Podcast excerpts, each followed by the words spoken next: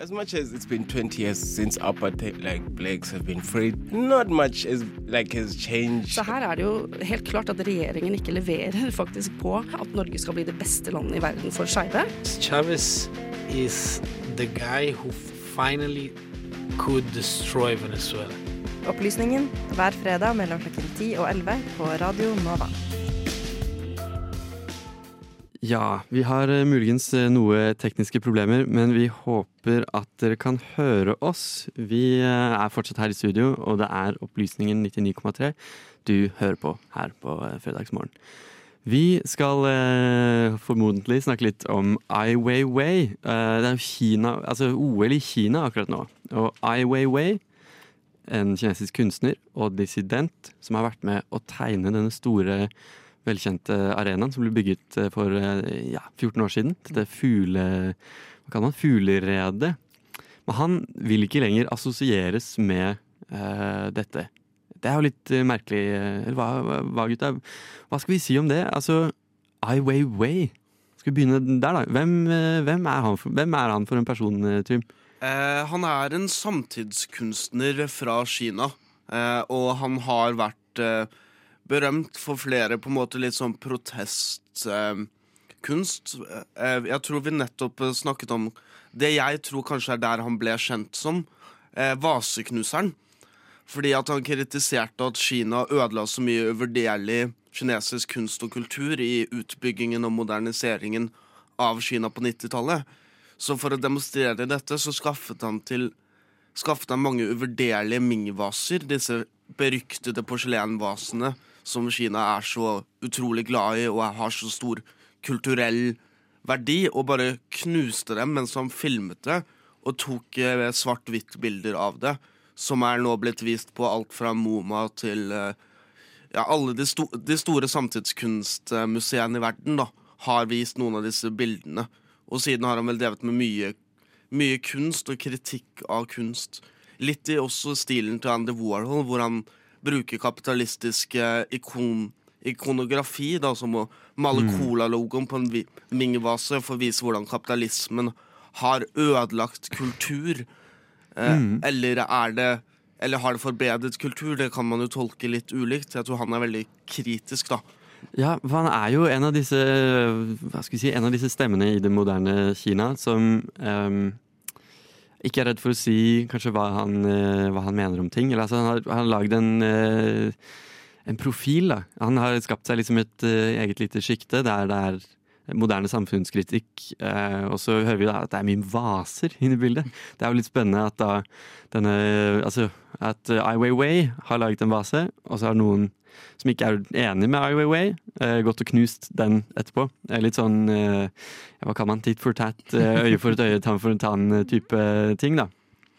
Så eh, vår eh, reporter eh, Helena Skrøder har eh, sett litt nærmere på hvem Ai Weiwei er, er, for en fyr, og hva slags kobling han har med eh, Beijing-OL. Vi skal høre litt nærmere på det. Nå er endelig de olympiske vinterlekene her igjen. Og denne gangen er vinterlekene arrangert i Beijing i Kina. Fra 4. februar til den 20. februar skal ulike idrettsutøvere konkurrere i ulike grener for å prøve å vinne olympisk gull. Men det har ikke bare vært en dans på roser å arrangere OL. Det har altså vært mye kritikk i media om at de olympiske lekene skal arrangeres i Kina. Under åpningsseremonien framførte Kina som vertsnasjon et storslagent show. Med masse farger og hundrevis av deltakere som ga en virkelig skikkelig opptreden. Men akkurat der åpningsseremonien ble holdt, er et perfekt eksempel på hvordan Kina liker å pynte på hvordan ting faktisk er. Beijing Nasjonale Stadium, eller også bedre kjent som Fuglereiret, har den kjente kunstneren Ai Weiwei vært med på å designe for sommer-OL i 2008. I senere tid har Ai Weiwei tatt avstand fra prosjektet, og han har sagt at han nekter for å ta bilder sammen med stadion. Så hvem er Ai Weiwei? Hvorfor vil han ikke lenger være assosiert med denne stadion? Ai Weiwei er en kunstner og aktivist. Som aktivist har han vært åpen om sin kritikk mot det kinesiske regimet. Ai Weiwei sin far var den kjente dikteren Ai Ching, som ble kritisert under den kulturelle revolusjonen. Pga. dette tilbrakte Ai Weiwei mange av barndomsårene i arbeidsleirer rundt om i Kina. Etter at den kulturelle revolusjonen var over, kunne familien til Ai Weiwei endelig flytte tilbake til Beijing. Når Ai Weiwei vokste opp, bestemte han seg for å bli kunstner, og har siden vært en av de mest kjente kunstnere i vår tid. I mye av kunsten til Ai Weiwei viser han til det kinesiske politiske og sosiale problemer landet sliter med i dag. Ai Weiwei blir ofte omtalt som Kinas mest kjente kunstner, og han har laget verk som fokuserer på menneskerettighetsbrudd ved bruk av video, fotografi, tapet og porselen. Men i 2011 ble Ai Weiwei arrestert pga. skatteunndragelse. Han ble fengslet i 81 dager og deretter løslatt. Den kinesiske regjeringen hadde holdt passet hans konfiskert og nektet ham andre reisepapirer. Etter at passet hans endelig ble returnert i 2015, flyttet Ai Weiwei til Berlin for å jobbe. Nå i dag oppholder han seg i Portugal, og han har selv sagt at han ikke lenger er interessert i å flytte tilbake til Kina. Ai Weiwei har hatt flere ikke så hyggelige opplevelser med de kinesiske myndighetene. Han har blitt satt i husarrest og nektet for å kunne reise fra Kina.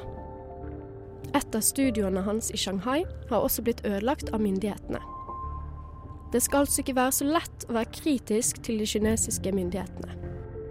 Til syvende og sist er det litt ironisk at der Kina skal vise seg fra sin beste side, viser de også hvor korrupt alt faktisk er.